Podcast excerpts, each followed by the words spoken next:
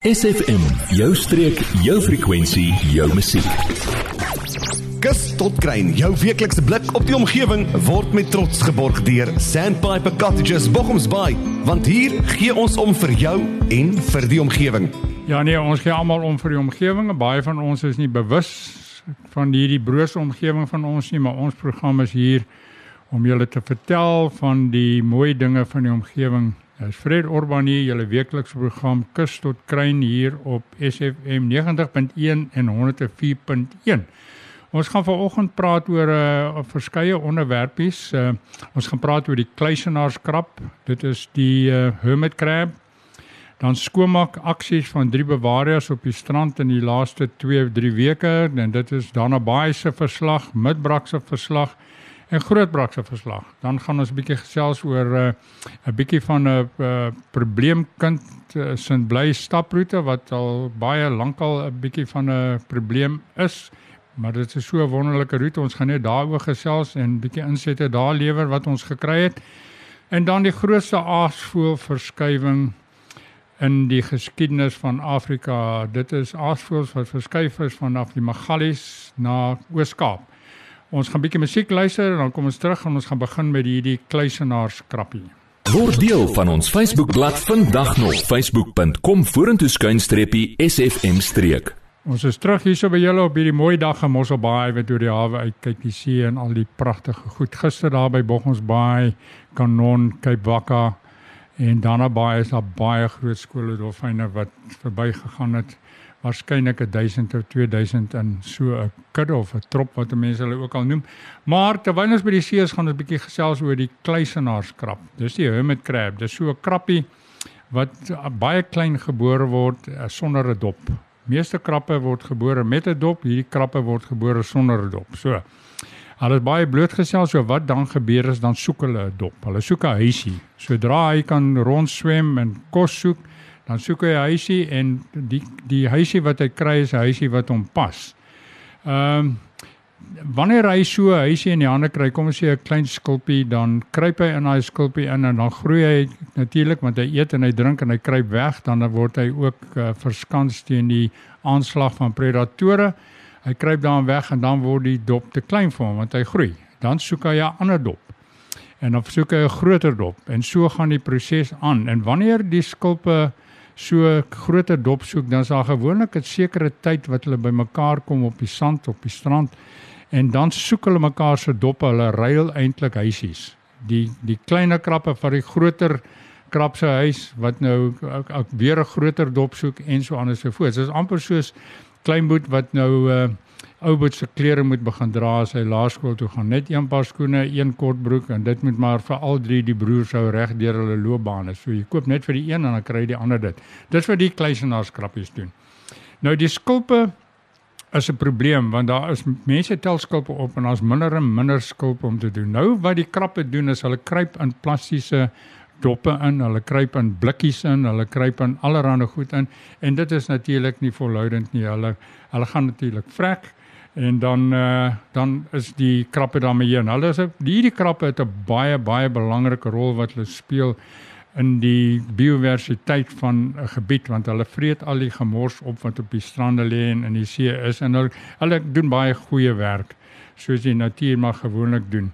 So dit is baie belangrik om baie biodiversiteit te behou. So mense asseblief moenie skulpe, ou skulpe, dooie skulpe van die strand af verwyder nie sit dit liewer terug, gooi dit terug in die water as jy nou 'n oester gegee het, gooi dit terug in die water of 'n mossel uitgehaal het, gooi dit terug in die water. Moet dit nie saamvat nie want dan soek hulle die plastiekpype en goed uit en dit is 'n ongesonde manier en dit is nie 'n volhoubare manier om 'n huis te skep nie. Nou kom ons kom ons wees 'n bietjie bewus daarvan as jy hierdie krappe op die strand sien met 'n dop en met julle weet, hy kan dalk net in 'n plastiese pypie weggekruip word of wegkruip homself want hy het nik geen ander heenkome nie. Nou ja, ons gaan weer 'n bietjie musiek luister, dan gaan ons terug na ons volgende onderwerp. SFM, is jy deel van die Suid-Kaap? Goed, weer lekker musiek gewees en ons gaan nou 'n bietjie gesels oor die skoonmaak aksies. Dit is Fred Orban hier op julle weeklikse program Kus tot Kruin. 11:30 elke donderdag. Stiptelik. Nou ja, die eerste wat ons uh, verslag wat ons gekry het van Dana Bay, uh, hulle het so 2 weke terug, 2 en 'n half weke terug of 3 weke terug het hulle skoonmaak aksie gehou. Daar's 16 mense wat deelgeneem het en 4 by die tafel, so in totaal 20 mense.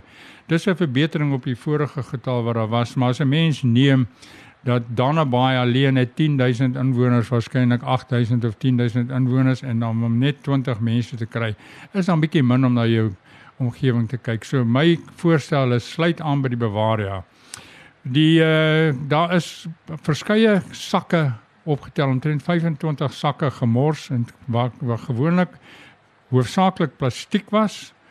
En uh, daar is 'n items lys in detail as jy na die Facebook bladsy gaan van Danabaai Conservancy, dan sal jy dit daar kry. Dan het Midbrak het ook uh, deelnemers gehad. Hulle was 2 uh, weke terug daar gewees. Hulle het so 25 plus mense gehad wat deelgeneem het. Baie dankie daarvoor. Dis ook meer as voorheen.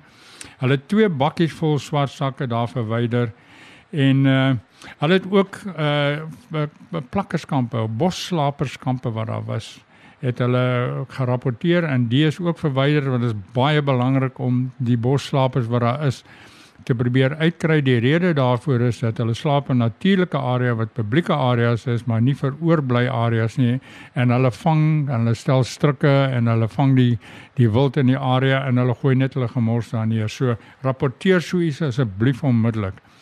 En dan het ons die groot brak uh, Bavaria met met Scott en sy mense. Daar was ook 25 deelnemers ongeveer uh, gewees daar om bietjie skoon te maak. Daar's baie swart en geel sakke opgetel, 19 in totaal, 19 op 'n oggend. Dis is verskriklik as 'n mens doen. En nou 'n mens kan dit feitelik elke tweede dag doen en dan gaan jy soveel sakke optel. So om ons strande skoon te hou, vra ons die ander dorpies en en, en huise wat naby die see is, as jy afgaan strand toe, tel op Bochumsbaai, Vleesbaai, mense gaan maak julle strand skoon. Tussen Bochumsbaai en Vleesbaai moet dit skoon kom. Springerbaai het ook hulle skoonmaak aksies. Uh, hulle maak hulle deel, hulle so 2.5 km strandfront, hulle maak daai deel skoon, dan naby maak hulle so skoon en ons sal graag sien nou die ander deelnemers soos Bochumsbaai en Vleesbaai ook 'n bietjie aandag gee daaraan. Nou ja, eh, Scott het ook gesê van Grootbrak, hy het uh, tange en sakke en so aan, so as mense wil deelneem, kan hulle dit altyd by hulle kry gratis en dan uh, net terugbesorg as dit klaar is. Nou ja, ons gaan nou eers weer 'n bietjie musiek luister en dan gaan ons die Sinbly staproete behandel. Jy, ja jy. Nou dat ons jou aandag het, vertel jou vriende van SFM en ondersteun plaaslik. SFM maak elke dag 'n goed gevoel dag. SFM. Orbanie, julle program kus tot kruin en ons gesels oor die omgewing. Ons gaan nou 'n bietjie praat oor die Simbly staproete. Die Simbly staproete is 'n wonderlike wonderlike roete, een van die beste seker in die wêreld wat 'n mens skryf wat so naby die kus is en wat hier so historiese agtergrond het en so 'n magnifieke uitsigte oor die see en so lank geskiedenis het wat teruggaan na 200 300 000 jaar gelede toe die eerste mense hierso gevestig het die Pinnacle Point grotte is van die oudste getuies van mense uh ontwikkeling hierso in die Suid-Kaap en as ons praat van mense is dit die moderne mens wat kon dink. Nou ja, ons het nou ek dink in die tussentyd al vergeet om te dink. Maar die Harriers los nou oor die toestand van die Simblaise roete.